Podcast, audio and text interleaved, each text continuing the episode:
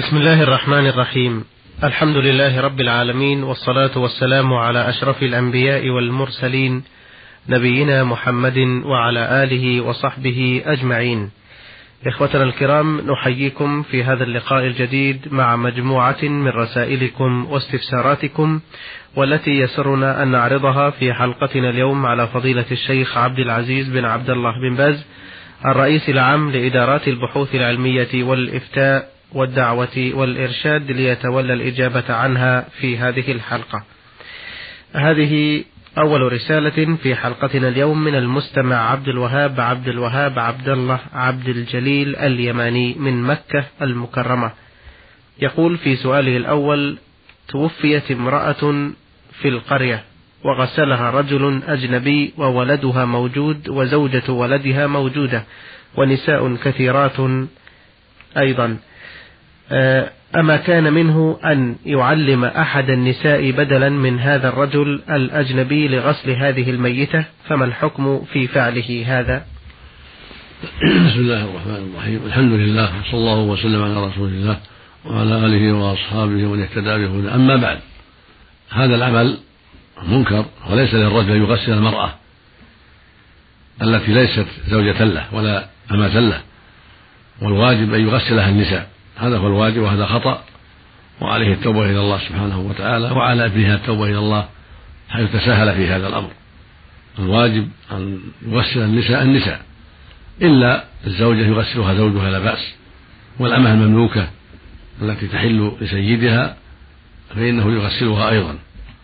أما غير غيرهما فلا. الرجال لا يغسلون النساء ولو كان محرما لها ولو كان أبوها ولو كان أخاها. ولو كان عمها ليس له تغسيلها يغسلها النساء. نعم. سؤاله الثاني يقول رجل طلق زوجته وراجعها قبل تمام العدة ومكثوا حوالي عشر سنوات والآن حصل بينهما نزاع وكان الطلب من الزوجة للطلاق والحث عليه في طلب الطلاق أكثر من خمس مرات أمام الجيران. فقام الزوج وأخذ ورقة وكتب فيها أنا فلان بن فلان قد طلقت زوجتي فلانة بنت فلان طلاقا شرعيا لا رجعة فيه وأشهد رجلين على ذلك وبعد مضي شهر واحد حضر الجيران وأصلحوا بينهما في الإرجاع فأرجعها. فهل هذا الإرجاع صحيح؟ لأنه قال لا رجعة فيه. أعيد السؤال أول أعيده السؤال يقول رجل طلق زوجته وراجعها قبل تمام العدة ومكثوا حوالي عشر سنوات والآن حصل بينهما نزاع وكان الطلب من الزوجة للطلاق والحث عليه في طلب الطلاق أكثر من خمس مرات أمام الجيران فقام الزوج وأخذ ورقة وكتب فيها أنا فلان بن فلان قد طلقت زوجتي فلانة بنت فلان طلاقا شرعيا لا رجعة فيه وأشهد رجلين وبعد مضي شهر واحد حضر الجيران وأصلحوا بينهما في الإرجاع فاسترجعها. فهل هذا الإرجاع صحيح؟ لأنه قال في تلك الورقة لا رجعة فيه. أفتوني شكر الله لكم. هذا فيه تفصيل. إذا كان الطلاق الأول طلقة واحدة التي راجعها فيه طلقة واحدة ثم طلقها هذا الطلاق فإن هذا الطلاق يحسب طلقة واحدة أيضا تكون ثانية. ولو قال فيه لا رجعة فيه. فإن الصواب أنه في حكم واحدة فقط. ولو قال فيه بائنا أو قال لا رجعة فيه أو قال بالثلاث بلفظ واحد فإن الصواب الذي نفتي به وهو الثابت عن النبي صلى الله عليه وسلم حديث ابن عباس أن الطلاق كان يجعل طلاق الثلاث يجعل واحدة على عهد النبي صلى الله عليه وسلم وعلى عهد الصديق أبي بكر وعلى عهد عمر رضي الله عنه في أول خلافته. يعني طلاق الثلاث بلفظ واحد. هذا هو الصواب أن يجعل واحدة. تضاف إلى الطلقة الأولى فيكون جميع اثنتين ويكون لها مراجعة فيبقى لها واحدة. ما دامت العدة ما دامت حبلى ما دامت العدة فإنه يراجعها ويبقى لها طلقة واحدة. أما إذا كان الطلاق السابق طلقتين الذي راجع فيه. إذا كان طلقتين فليس له الرجوع بعد لأن هذه تكون ثالثة. تكمل الثالثة فليس له الرجوع. هذا هو قول أهل العلم. نعم. جزاكم الله خيرا. هذه عدة أسئلة من المستمع. أطلق على نفسه اسم عبد من عباد الله من سلطنة عمان.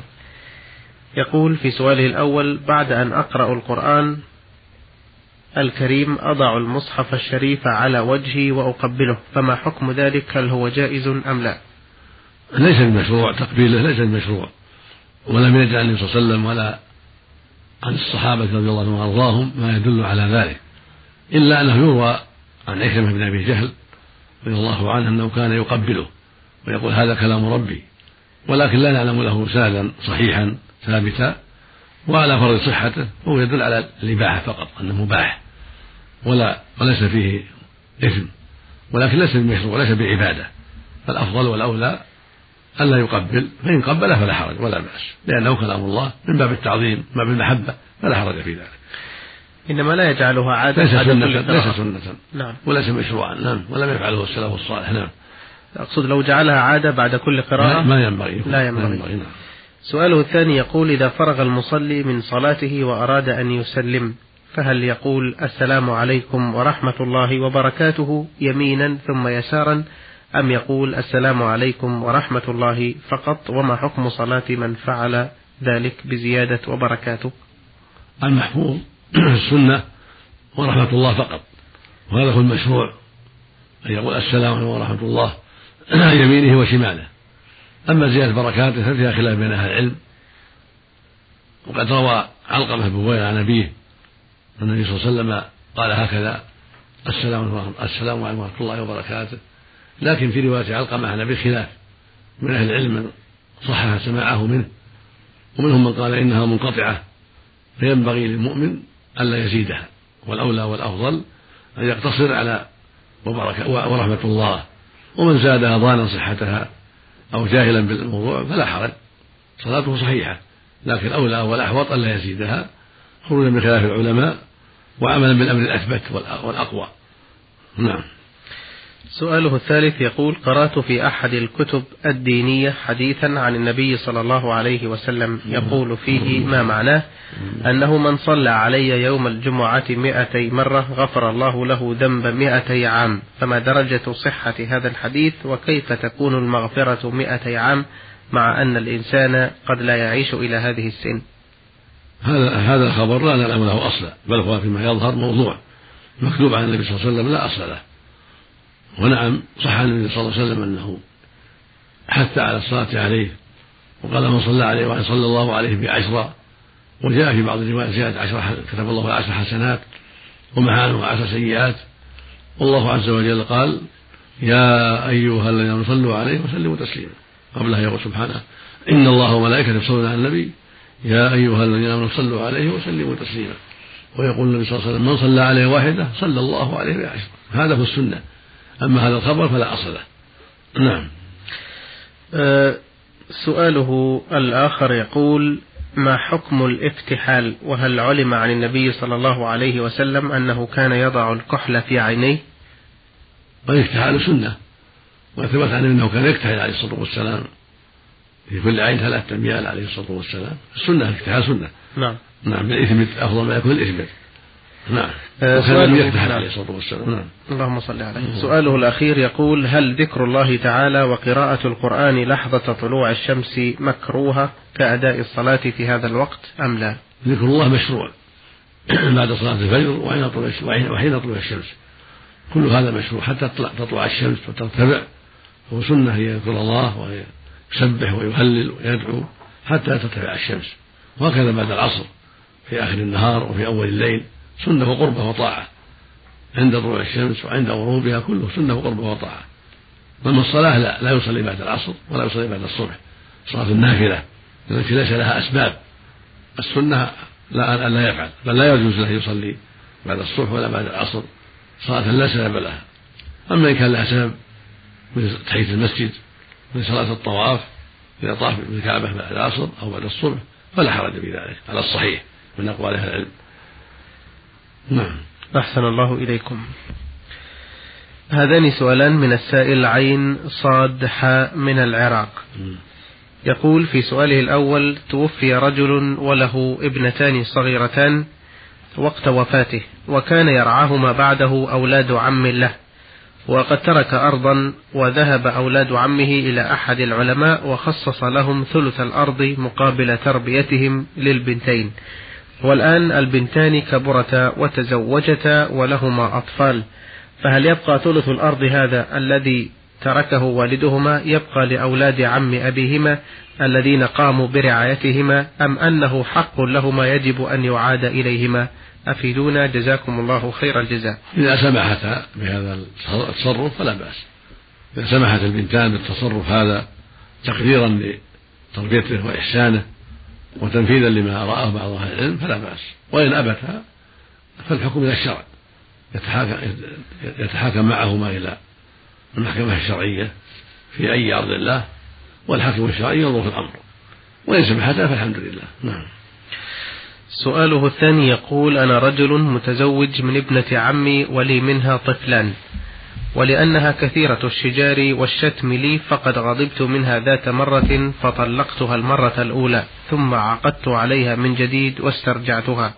كان ذلك قبل حوالي ثلاث سنوات. ومرة أخرى لنفس السبب طلقتها مرتين طلقتين متفرقتين بينهما حوالي أربع أشهر وخرجت من وخرجت من منزلي وسكنت بجوار منزلي. فأنا أقرب الناس لها فهي يتيمة وليس لها واليا بعد الله سواي. وقد رغبت في استرجاعها مراعاة لظروفها ولأطفال منها ولأنها ندمت على ما كانت تفعله معي. وسألت عن إمكانية استرجاعها فقيل لي لابد من أن يتزوجها رجل آخر لأنها تعتبر مطلقة بائنة مني. فما هو الحل الصحيح في هذا؟ أفيدونا أفادكم الله. نعم إذا كان واقع كما ذكرت. طلقتها أولا طلقة واحدة ثم عقدت عليها بعد العدة ثم طلقتها طلقتين متفرقتين. هذه تمت الثلاث. فلا تحل بعد زوج لأن الله قال سبحانه فإن طلقها يعني الثالثة فلا تحل له من بعد حتى تنكح زوجا غيره. فإذا تزوجت زوجا شرعيا لا حيلة ليس بنكاح تحليل بل تزوج زواجا شرعيا ووطئها الزوج ثم طلقها أو مات عنها واعتدت فلا بأس أن ترجع إليها. لأن الطلقة الثالثة ليس بعدها رجعة بل لا بد من زوج شرعي لا محلل بل زوج شرعي ينكحها الرابة فإذا وطئها ثم طلقها بعدها الرابة أو مات عنها حلت لزوجها الذي طلقها الثلاث متفرقات. نعم. آه هذه ثلاثة أسئلة بعثت بها الأخت المستمعة سين ميم من مكة المكرمة. سؤالها الأول تقول أحيانا وأنا محرمة كنت أزيل أزيل قشورا جلدية من جسمي وبعضها يسيل منه دم فهل يؤثر ذلك على صحة إحرامي أم يلزمه صيام أو ذبح؟ أفيدونا جزاكم الله خيرا. لا يؤثر هذا لأن خروج الدم من المحرم لا يؤثر حتى لو احتجم لا يضره. النبي صلى الله عليه وسلم احتجم وهو محرم عليه الصلاة والسلام. فظهور خروج بعض الدم من جلد المرأة أو الرجل المحرم لا حرج ولا يضر إحرامه. نعم. سؤالها الثاني تقول هل يؤثر على الإحرام مس المرأة أو مداعبتها فقط؟ ليس للزوج أن يمسها بشهوة وهو محرم ولا وهي محرمة.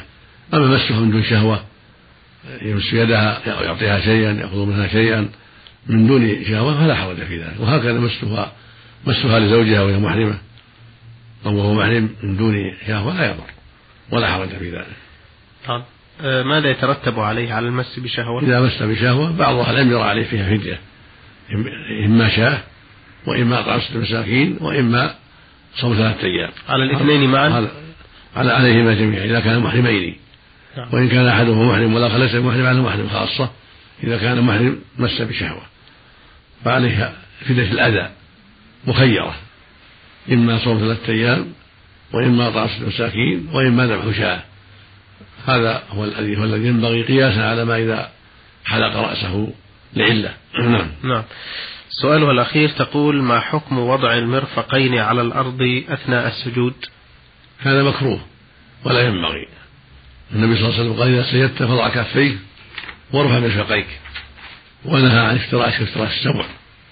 فالسنة أن يرفع مرفقيه سواء رجل أو امرأة يرفع ذراعيه عن الأرض ويعتمد على كفيه حال السجود.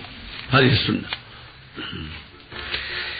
آه هذه رسالة من السائل يا سين ميم نون من العراق الأنبار يقول سجود السهو هل يلزم عندما أنسى دعاء الوتر؟ وهل أقوم بسجود السهو عندما لا أجهر في صلاتي في وقت يجب الجهر فيه؟ وكان ذلك عن نسيان؟ لا يجب. إذا ترك الإنسان سنة الوتر سهوا أو لم يجهر في صلاة الجهرية سهوا لا يجب. ولكن لو سجد لا بأس. السجود لترك السنة جائز ولكن ليس بواجب. سؤاله الثاني يقول التيمم هل يسقط هل يسقط عن الجنب الاغتسال بتاتا؟ وكم صلاة يمكن أن أصلي به وما هي نواقضه؟ التيمم يقوم مقام الماء. الله جعل الأرض مسجدا وطهورا للمسلمين. فإذا فقد الماء أو عجز عنه المرض قام التيمم مقامه. فلا يزال كافيا حتى يجد الماء. فإذا وجد الماء وجب عليه الغسل عن جنابته السابقة. وهكذا المريض برئ وعافاه الله يغتسل عن جنابته السابقة التي تطهرها بالتيمم. لقول النبي صلى الله عليه وسلم الصعيد وضوء المسلم وإن لم يجد الماء عشر سنين. ثم قال فإذا وجدت الماء فأمسه بشرتك. فإذا وجد الماء الجنوب أمسه بشرته يعني اغتسل بعد ذلك عما مضى. وأما صلواته كلها صحيحة بالتيمم عند عجزه عن الماء لعدم وجود الماء أو عند عجزه عن الماء لأجل المرض الذي يمنعه من الماء حتى ينتهي المرض ويشفى منه وحتى يجد الماء ولو طالت المدة. نعم. إنما بقاؤه بالتيمم لا يجوز بعد أن يجد الماء. أو بعد أن يشفى. أو بعد أن يشفى نعم, نعم. جزاكم الله خيرا آه هذان سؤالان من المستمع جيم ميم حاء من الموصل العراق يقول في سؤاله الأول تزوجت من ابنة عمي منذ فترة ولي منها أطفال ولكن علمت بعد ذلك أن أخاها الأصغر قد رضع من والدتي مع العلم أنني أنا لم أرضع من والدتها وهي أيضا لم ترضع من والدتي فهل يلحقنا تأثير الرضاع هذا؟ لا يضر لا. رضاع أخيها لا يضر. ما دام أنت لم ترضع من أمها وهي لم ترضع من أمك لا يضر. رضاع أخيها لا يضر. نعم. السؤال الثاني يقول أصلي الفروض أحيانا كثيرة لوحدي نظرا لعدم وجود مسجد بالقرب مني ولكن هل يلزمني الأذان والإقامة لكل صلاة أم يجوز أن أصلي بدون أذان أو بدون إقامة؟ السنة أن تؤذن وتقيم هذا السنة. أما الوجوب في خلاف بين أهل العلم. ولكن الأولى بك والأحوط لك أن تصلي أن تؤذن وتقيم لعموم لعموم الأدلة. ولكن يلزمك أن تصلي في الجماعة مهما أمكن. إذا وجدت جماعة أو سمعت النداء من مسجد بقربك وجب عليك أن تجيب المؤذن وأن تحضر مع الجماعة. فإن لم تسمع النداء ولم يكن بقربك مسجد فالسنة أن تؤذن أنت وأن تقيم. نعم. آه هذا آخر سؤال في حلقتنا اليوم من السائل محمد حمد الرحال من الإمارات العربية أبو ظبي. يقول لي إخوة وأقارب ولكنهم للأسف الشديد لا يصلون ولا يقيمون حدود الله فهل علي أن أقاطعهم؟ فكلما آمرهم بمعروف أو أنهاهم عن منكر يهزؤون مني ويسخرون ويقولون هل تريد أن تصلح الناس جميعا؟ وقد كرهوا هم مجالستي وقاطعوني فماذا علي أن أفعل تجاههم؟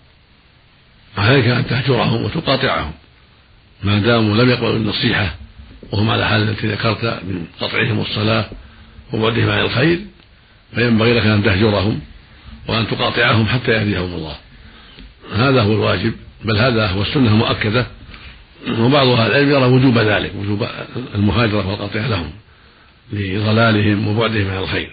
لكن إذا اتصلت بهم بعض الأحيان رجاء أن يهديهم الله بالدعوة والتوجيه والإرشاد فلا بأس. وإن يئست منهم فلا فلا مانع من هجرهم ومباعدتهم بالكلية. وقد هجر النبي صلى الله عليه وسلم ثلاثة من الصحابة لما تركوا الغزوة معه بغير عذر. فالحاصل أن هؤلاء ينبغي يهجروا وعلى الأقل يكون هجرهم سنة مؤكدة حتى يهديهم الله ويردهم إلى الصواب. نسأل الله لنا ولهم الهداية اللهم آمين. جزاكم الله خير الجزاء. إخوتنا الكرام في نهاية هذا اللقاء نشكر فضيلة الشيخ عبد العزيز بن عبد الله بن باز الرئيس العام لإدارات البحوث العلمية والإفتاء والدعوة والإرشاد على تفضله بالإجابة عن أسئلة الإخوة عبد الوهاب عبد الوهاب عبد الجليل اليماني من مكة المكرمة والأخ عبد من عباد الله من سلطنة عمان والأخ عين صاد حاء من العراق والأخت سين ميم من مكة المكرمة والأخ يا سين ميم نون من العراق الأنبار والأخ جيم ميم حاء من العراق الموصل. وأخيرا على سؤال الأخ محمد حمد الرحال من الإمارات العربية أبو ظبي. أيها الإخوة الأعزاء لكم شكرنا على حسن إصغائكم وإلى اللقاء والسلام عليكم ورحمة الله وبركاته.